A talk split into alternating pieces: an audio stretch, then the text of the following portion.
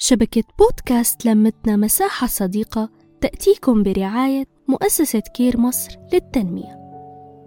مرحبا أنا آلاء. رجعت لكم بحلقة جديدة من بودكاست قبل أن تتزوجي. بحلقة اليوم رح ندردش عن الرهاب الاجتماعي. وشو سببه؟ خطوات للتغلب عليه.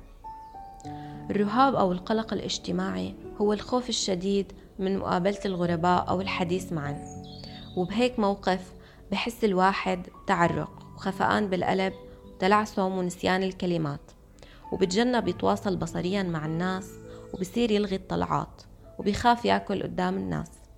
ومن أسباب هاي المشكلة ممكن تكون وراثية وممكن تكون أسرية. الأسرة بتحب العزلة والانغلاق وممكن تكون بالتربية.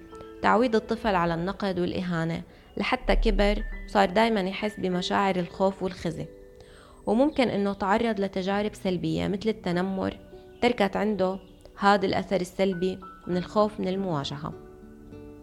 طيب هي مشكلة حقيقية فعلا ومحتاجين نحاول نطلع منها لأنه الحياة ما بتخلو من الاحتكاك الاجتماعي. أول خطوة للحل إنه أتعلم تنظيم النفس مشان أتغلب على الخوف لما أكون بقلب الموقف. تاني خطوة لما أكون عارف إني رايح على المشوار الفلاني أتخيل حالي كذا مرة إني رحت شو رح يصير هناك؟ عشان لما أكون بقلب الموقف فعلا أحس براحة أكبر وإنه هذا الموقف مرق علي.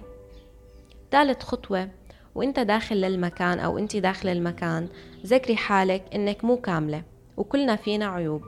امدحي شكلك وشي بتحبيه بحالك مشان تزيد ثقتك بنفسك.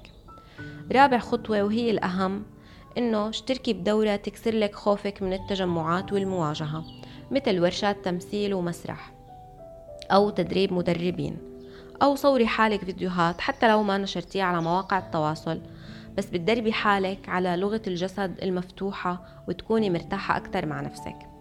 وإذا كل هاي الخطوات طبقتيها وما استفدتي بشجعك تروحي لأخصائي نفسي يكون معك خطوة بخطوة لتوصلي لمطرح تكوني مرتاحة فيه. وهيك أعزائي المستمعين وصلنا لنهاية الحلقة. بتمنى تكونوا استفدتوا واستمتعتوا وبلاقيكم بحلقة جديدة ومع السلامة. نحكي نتشارك نتواصل.